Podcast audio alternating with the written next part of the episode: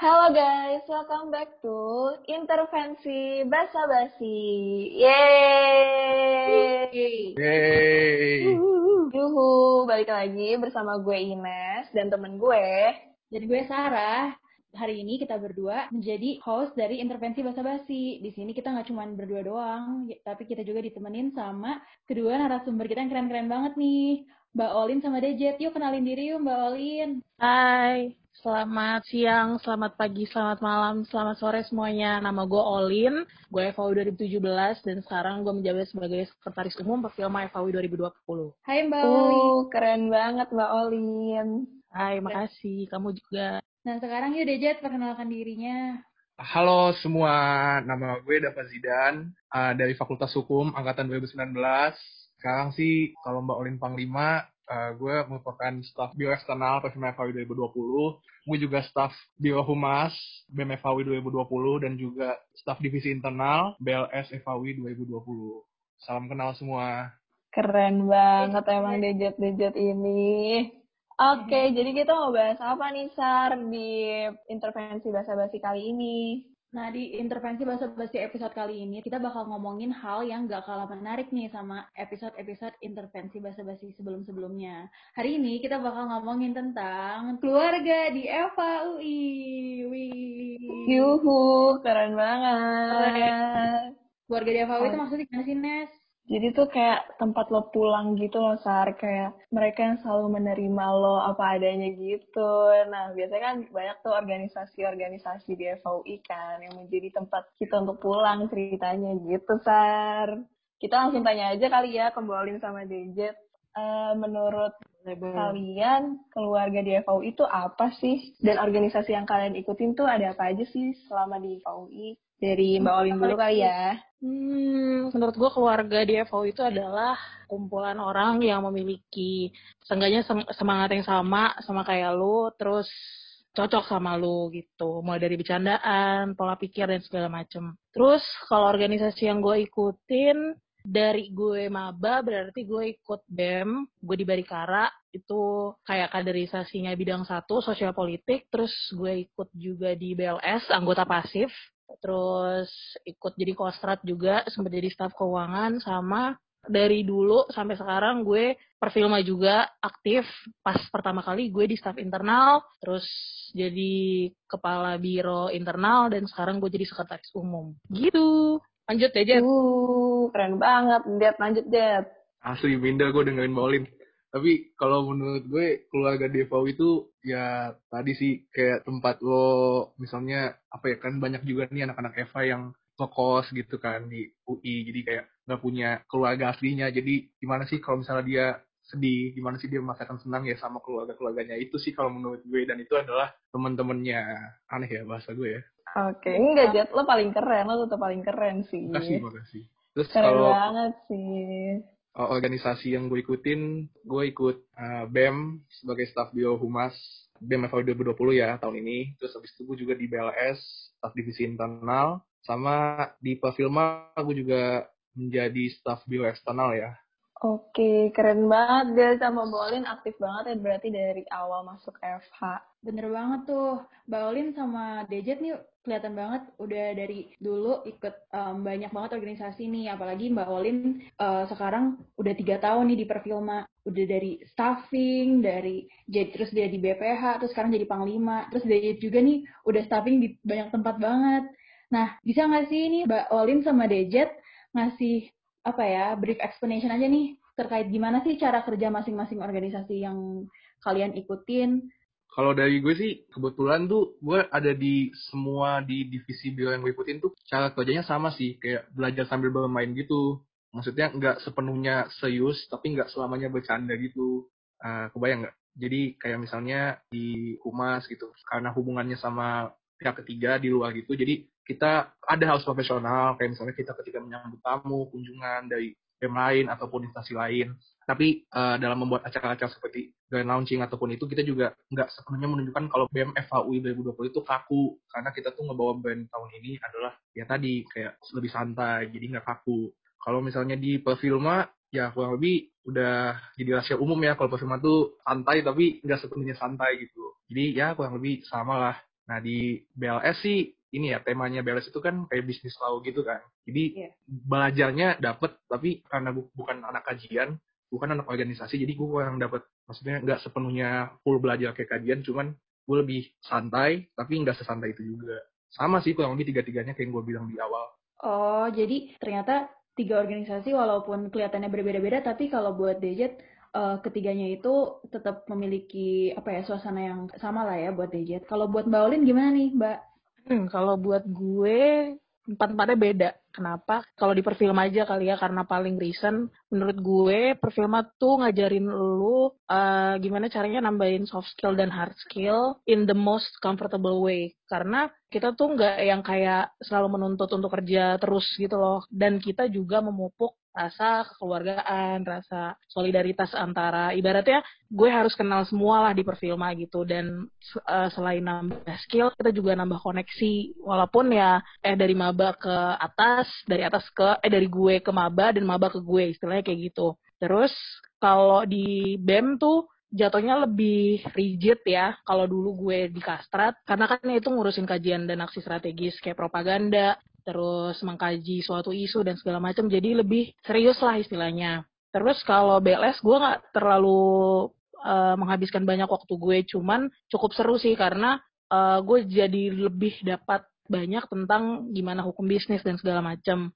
Terus untuk di kostrat kenapa gue aktif eh kenapa gue ikut kostrat? Waktu itu bener-bener hanya karena uh, seru uh, supporterannya. Jadi gue kayak ngerasa apa ya aja ikutan gitu. Dan ternyata emang seru aja gitu Oke, wah keren banget ya berarti setiap organisasi emang memiliki suasana yang berbeda-beda dan menuntut kita buat beradaptasi juga sih di dalamnya. Bener banget, berarti cara kerja organisasi kan beda-beda nih, walaupun DJ tadi hampir bilang semuanya sama ya, cuman kalau misalnya kinerja dari dalam diri Mbak Olin sama DJ sendiri, itu gimana sih di setiap organisasi sama atau beda? Kalau gue sebenarnya karena banyaknya organisasi dan kepanitiaan yang pernah gue ikutin, gue jadi belajar gimana caranya menentukan diri gue menyesuaikan dengan organisasi yang gue ikutin atau kepanitiaan yang gue ikutin pada saat itu. Jadi itu juga nambahin skill gue gimana caranya gue bisa fleksibel dan gak rigid kayak gue harus kaku di setiap organisasi atau gue harus santai di seluruh organisasi begitu. Kalau gue kebetulan gue nggak mau membeda-bedakan gitu ya, jadi gue tuh pengennya semuanya tuh sama. Jadi gue bisa menampilkan yang terbaik buat ketiganya karena gue yakin BPH BPH gue nerima gue itu ada alasannya kan dan gue nggak mungkin membuat mereka kecewa gitu loh. Jadi gue berusaha menampilkan yang sebaik mungkin. Oke, keren banget. Jadi tetap menjadi diri sendiri ya, baik Dejet maupun Mbak Olin tetap menampilkan yang terbaik dan menampilkan diri sendiri di setiap organisasinya. Keren banget emang narasumber kali ini. Nah, terus lanjut lagi nih, kalau misalnya Mbak Olin sama DJ itu sebelum masuk organisasi-organisasi yang kalian ikutin waktu itu, apa sih yang kalian pikirin atau ekspektasi kalian tuh apa sih sebelum masuk situ? Gak ada ekspektasi sih, lebih kayak apa ya?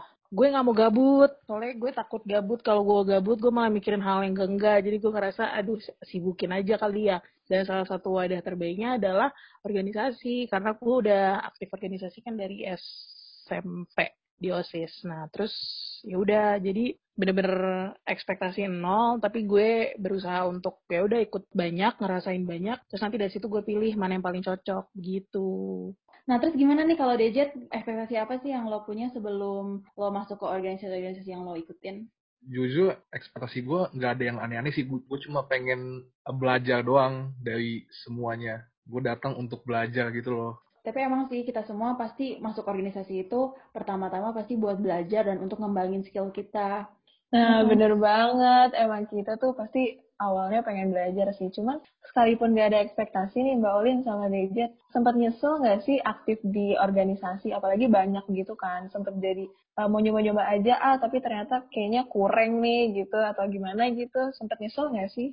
Uh, nyesel sih enggak apa ya mungkin karena waktu banyak yang kebuang dan harusnya gue bisa fokus akademis tapi gue banyak curahkan ke organisasi. Nah tapi menurut gue daripada eh dibanding rasa nyesel itu gue lebih banyak belajar aja sih kayak gimana caranya bagi waktu gimana caranya uh, bisa menempatkan diri. Dan gue ngerasa dari segala hal kepanitiaan organisasi yang udah gue lalui nggak ada yang bikin gue nyesel if that makes any sense. Kayak gitu guys.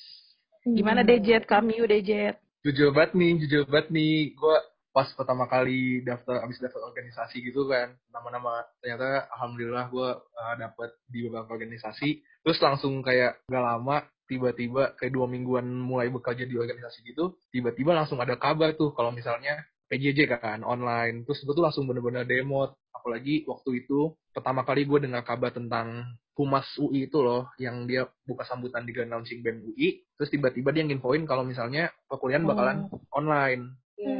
Nah, Oh. gue Iya, itu ada iya, di iya. situ gue ada di situ karena humas BEM FAU itu lagi datang ke grand launchingnya di situ tuh langsung kayak aduh gimana ya Ah, sedangkan BEM FAU itu belum grand launching kita grand launching itu masih minggu depan jadi kayak langsung demo gitu Hmm, jadi lu menyesalkan situasinya ya, Jet, berarti bukan karena lu Jadi daftar kayak- lu nyesal gitu ya? enggak jadi ya jadi kayak apa ya ini sih kalau ngomongin ekspektasi tadi eh, gue pengen dapat banyak pengalaman ternyata kekat gara-gara corona. Ah, sedangkan hari itu juga malamnya itu harusnya gue pergi ke puncak buat timbel BLS terus nggak jadi juga langsung diikat hari itu juga. Teman-teman gue jadi Hmm. udah jalan balik lagi. Habis itu uh, grand launching BEM FAUI akhirnya dimundurin kan baru terlaksana bulan lalu di bulan Agustus. Terus ya studi banding studi banding perfilma gue waktu itu gue jadi PO-nya yang buat PES kalau kalian ingat itu tuh langsung dibatalin juga. Jadi langsung gak jadi juga kan jadi kekat gitu kan tapi seiring berjalannya waktu uh, dari awal yang gue demo tapi makin ke sini gue makin menemukan sih apa yang membuat gue mencintai ketiga organisasinya dengan posisinya masing-masing Asik. Jawaban lo mantep banget, Jet.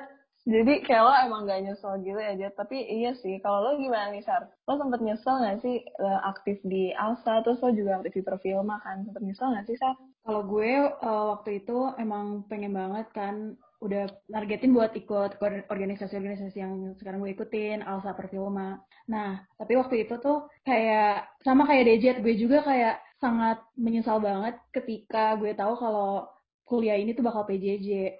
Nah, bahkan kalau gue boleh berbagi nih, gue di Perfilma itu masih sempat ngerasain radif bareng-bareng, terus kita yang ke mana-mana bareng, waktu itu gultik bareng pers gitu kan.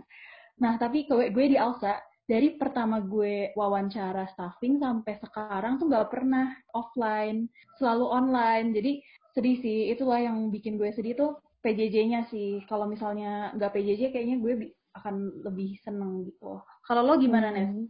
Askat sama dia. Bener sih, gue juga eh, merasa kayak gitu. Apalagi kan kalau misalnya, kan gue eh, daftar yang kayak sama Mbak Olin waktu itu kan, aksi dan propaganda itu di sub, sub departemennya. Jadi kalau aksi propaganda online kan jadi kayak itu-itu aja gitu loh. Sebenarnya gitu sih. Tapi gue nggak pernah nyesel sih, gue setuju sama Mbak Olin. Kayak gue daftar ke organisasi buat belajar dan dibandingin gue nyesel, mendingan gue ambil positifnya buat belajar sih. Keren banget sih emang Mbak Olin. Makasih Ines.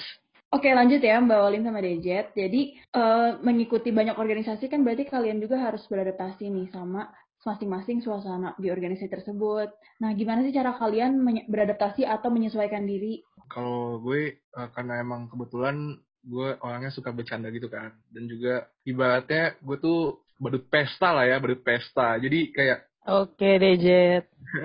jadi kayak gue berusaha untuk membuat suasana menjadi ceria aja di setiap tempat.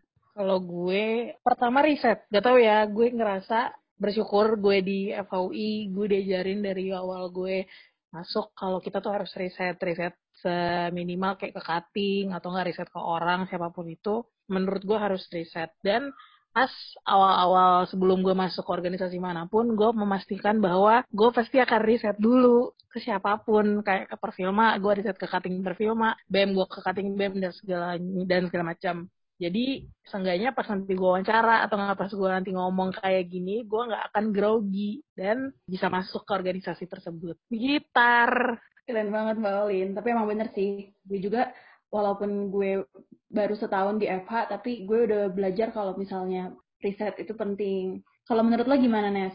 Bener sih, gue juga merasa riset tuh penting banget. Apalagi kalau misalnya kita masuk ke organisasi, kayak kita harus tahu dulu nih kolamnya isinya apa aja sih, gitu sih menurut gue penting banget.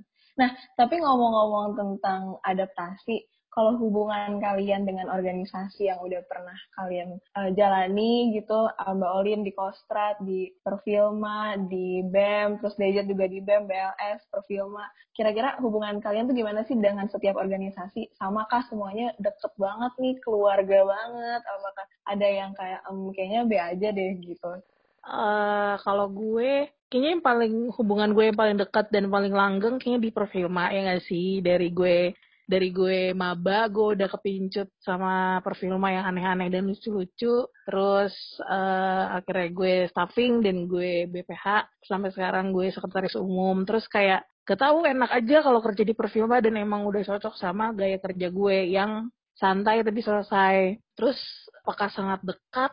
Iya. Jujur di sini pertama kali gue bisa kenal sama cutting yang kayak udah beda 2-3 tahun di atas gue gitu loh. Jadi bahkan bahkan kita saling membantu dan sampai sekarang pun masih keep in touch. Jadi gue ngerasa kayak ya salah satu investment terbesar gue di perfilma ya selain skill yang gue dapet ya koneksi.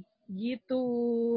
Mbak Olin dengan sangat yakin menjawabnya karena sudah stay di perfilma. Bagaimana dengan Bejat yang masih staff di tiga tempat ya Jat? Coba Jat, Gimana, sebutkan Jat. Gimana hubungan lo Jat dengan mereka Jat? Uh, hubungan gue sakinah mawadah warahmah sih sama lo paling keren deh gue uh, gue deket sih sama semuanya. Karena tadi udah gue bilang gue tuh masuk ke tiga tiganya gue nggak mau setengah-setengah di salah satu pun. Jadi gue pengen menunjukkan sisi terbaik dari gue di semua organisasi asik. Lulus asik banget gadget-gadget ini memang. Tapi bener sih emang kayak Mbak Olin tadi bilang perfilnya tuh emang deket banget ya. Mbak gue juga ngerasain tuh Mbak kayak nih gue mau Mbak Olin gue 19 Mbak Olin 17 eh gue bisa kenal gitu kan ngobrol bareng nih satu podcast sama Mbak Olin. Wow gimana lagi gitu kan. kesempatan yang harus lo manfaatkan si Jet sebenarnya podcast ini. Jadi lo harus bersyukur lo diundang ke podcast ini Jet. Iya Jet apa uh, lo mau sekalian riset riset gue wadahi nih Jet. Hmm, makasih sih. Cuman tadi gue pengen nambahin kayak iya kebetulan tuh uh, gue tuh deket sama BPH BPH gue sama semuanya deh gitu. Gue sering curhat sama BPH gue yang di humas gue suka curhat sama BPH gue yang di perfilma jadi kayak apa emang deket gitu deh kekeluargaan gitu. Kayak apa ya bersahabat bukan bersahabat ya, keluarga gitu buat deh. Kayak sama Mbak Olin gue juga sering ngobrol sama Mbak Olin. Gue suka nanya matkul jam 2 pagi ya kan mbak?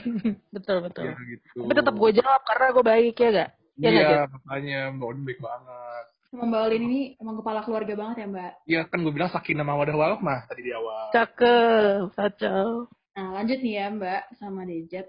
Jadi kita tahu ya kalau misalnya sebagai anggota organisasi itu sense of belonging itu pasti penting banget.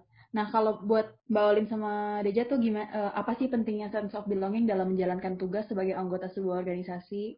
Uh, menurut gue penting banget sih terutama kayak di saat-saat kayak gini kayak PJJ gini semua online apa namanya lu nggak bisa ketemu tatap muka. Jadi sense of belonging itu penting supaya lu tuh nggak ngerasa cuma sekedar nama doang di salah satu tempat gitu. Jadi kayak cuma lu terdaftar sebagai misalnya kayak oh gue sebagai staff ini. Padahal sebenarnya lu tuh nggak ngerasa dapat apa-apa lu nggak ngerasa kerja atau apa itu menurut gue penting banget kalau menemukan rasa kalau misalnya lo tuh di sini tuh bagian dari keluarga besar organisasi gitu. Menurut gue gitu sih. Jadi lo nggak kerja cuma sebatas untuk apa ya nggak kerja doang tapi lo nemuin ya gitu deh yang nggak bisa dibahas dengan kata-kata lah ibaratnya Iya sih benar. Terus gimana nih Mbak Olin? Mbak Olin ini pasti sense of belonging ke perfilmannya udah Asik. udah erat banget nih kayaknya kan udah tiga tahun staffing, BPH, sekarang Panglima. Kalau buat Mbak Olin, gue elaborasiin uh, pentingnya sense of belonging dalam menjalankan tugas di organisasi Mbak? Kalau menurut gue, apa ya, percuma lo melakukan sesuatu tapi lo nggak ada sense of belonging. Uh, dan ini nggak terpaku sama uh, organisasi doang. Tapi kalau misalkan kita ngomongin dalam konteks organisasi, menurut gue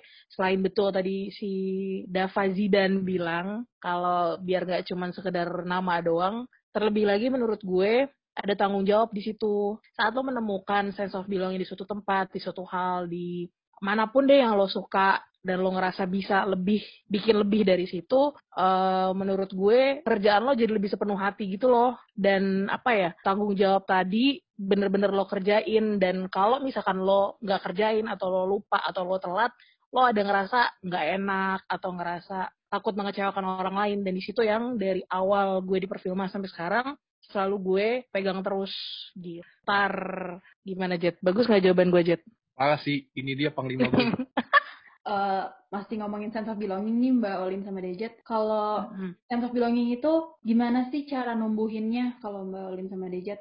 Apakah ditumbuhin uh, diri sendiri atau ditumbuhin sama situasi yang situasi organisasi yang Mbak Olin sama Dejet ikutin? Oke, okay. kalau sense of belonging tuh gak tahu sih hoki-hokian kalau menurut gue. Kenapa? Karena ada satu posisi di mana gue ngerasa uh, gue punya sense of belonging yang dipupuk karena orang-orangnya dan ada yang karena emang gue suka aja gitu loh. Dan yang gue suka aja tuh pas gue kemarin di BEM di Kastrat gue ngerasa ke-trigger banget saat ngomongin isu kekerasan seksual dan isu pendidikan tinggi. Jadi gue ngerasa oke okay, gue mau stay karena hal itu dan memang gue stay dan memang gue uh, melakoni tanggung jawab gue dengan baik. Nah tapi kalau di perfilma tuh sebenarnya yang paling nge-trigger gue itu gara-gara pas BO in Action. Jadi BO in Action itu kayak uh, semacam introduction ke organisasi-organisasi di Fakultas Hukum UI ini.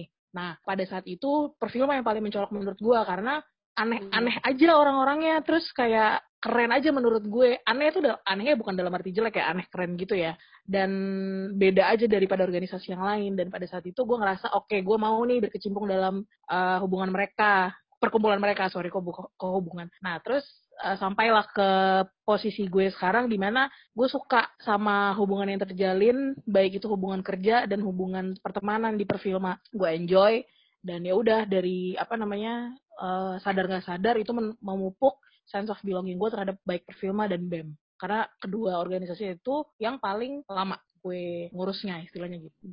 Emang keren banget sih. Jujur gue juga sebagai waktu jadi maba nih, waktu ngelihat BO in actionnya perfilma tuh kayak langsung, wah gue pengen banget nih nanti suatu saat ada di situ. Okay. Ya tapi PJJ. Ya, nah, terus gimana? apa-apa nggak apa-apa. Gimana nih kalau Dejet?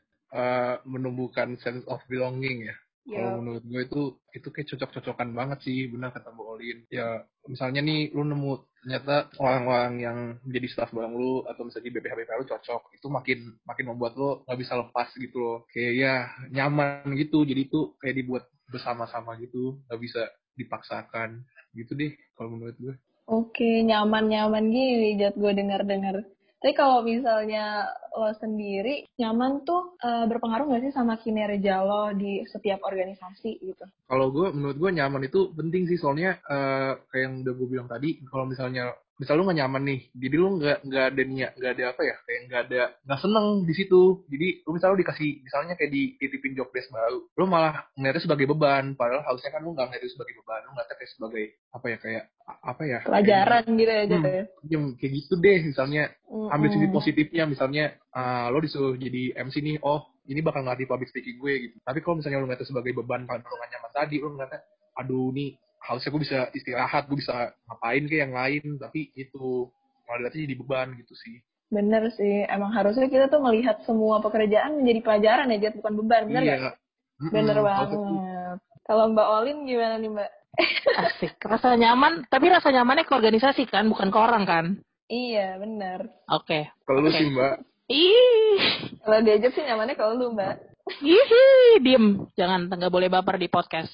Lanjut ya, kalau menimbulkan rasa nyaman dan sense of belonging itu menurut gue butuh waktu sih. Kayak tadi kan uh, Dava Zidan asik. Dia bilang kalau misalnya uh, melihatnya sebagai sebuah opportunity dan nggak dan bukan beban. Tapi menurut gue uh, untuk mengambil kesempatan itu aja lu tuh perlu waktu, perlu apa ya namanya, perlu lo milih lah lo mau berkecimpung di mana dan menurut gue selama kita masih muda ya nggak sih dan kita masih ada di institusi pendidikan terakhir lah istilahnya karena abis mahasiswa kan kita udah jadi sarjana dan kita harus bekerja menurut gue kita harus bisa memanage waktu dan memberikan waktu kita di luar akademis ya uh, kepada hal-hal yang kita suka kalau buat gue salah satunya adalah organisasi nah saat gue mau masuk organisasi di FHUI, gue sudah menetapkan diri kalau gue uh, mau ngasih waktu gue nih sebesar apa pun, sekecil apa pun di organisasi yang gue pilih nanti. Dan dari uh, berjalannya waktu itu, makin lama gue berkecimpung di suatu organisasi, gue bisa jadi apa ya namanya, bisa lebih ngerasain gue nyamannya di mana nih, gue cocoknya di mana, gue angetnya di mana nih, ngomong sama siapa, gitu. Sangat membangun deh Mbak Olin, gue suka banget dengerin lo. Kayak lo harus bikin YouTube deh mbak, ya nggak sih? Kayak job Q&A okay. gitu mbak. Nanti gue mau bikin ini, uh, mata Olin. Aduh, mata Olin. Jangan deh, mata Jogi Olin. awkward. Kayak ditemenin sama lo mbak, kan lo sangat membawa kepala oh, iya. keluarga ya kan?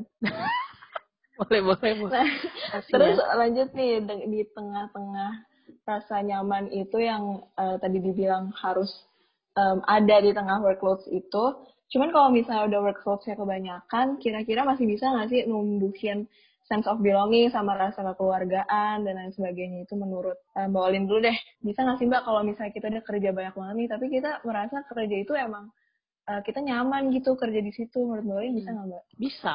Menurut gue gini, apa setelah gue melewati sekian banyak roller coaster perorganisasian kepanitiaan dan ngehandle orang dan ngehandle acara siapa pun itu, uh, gue belajar satu hal di mana mau sedemot apa pun gue, kalau gue suka ya udah gue pasti akan balik lagi gitu loh ke titik awal gue. Kenapa? Karena gue selalu make sure kalau diri gue tuh nggak lupa kalau gue suka apa yang gue ambil. Misalnya sesimpel gue ngambil perfilma, gue suka karena ya kerjaannya cocok. Dan gue ngerasa gue gue emang gue di posisi paling atas nih. Masa gue tiba-tiba demo terus gue ninggalin anak gue itu skala gue dong gila dong gue kayak gitu. Nah makanya kalau misalkan gue demo ya udah gue istirahat sejenak. Dengerin lagu Kunto Aji uh, asik. asik. Senja ya senja gitu gitulah ya. Nah terus uh, abis itu balik lagi kerja dan ya gitu siklusnya kayak gitu gitu. Berusaha untuk keep myself sane dan safe apalagi lagi pandemi gini. Begitu. Keren banget emang sih mbak Olin. Mbak Olin ini. Makasih ya. Kalau misalnya dia sendiri nih Jat. Lo pernah gak sih Jat? Udah capek banget nih kerja tapi lo tetap mau kerja nih karena aduh gue nyaman banget sama organisasi ini gitu Jat. Kayak hubungan kan Jat walaupun udah capek berantem mulu kayak tetap aja pengen stick di situ gitu Jat. Pernah gak Jat kayak gitu Jat? Toxic toxic oh iya salah ya.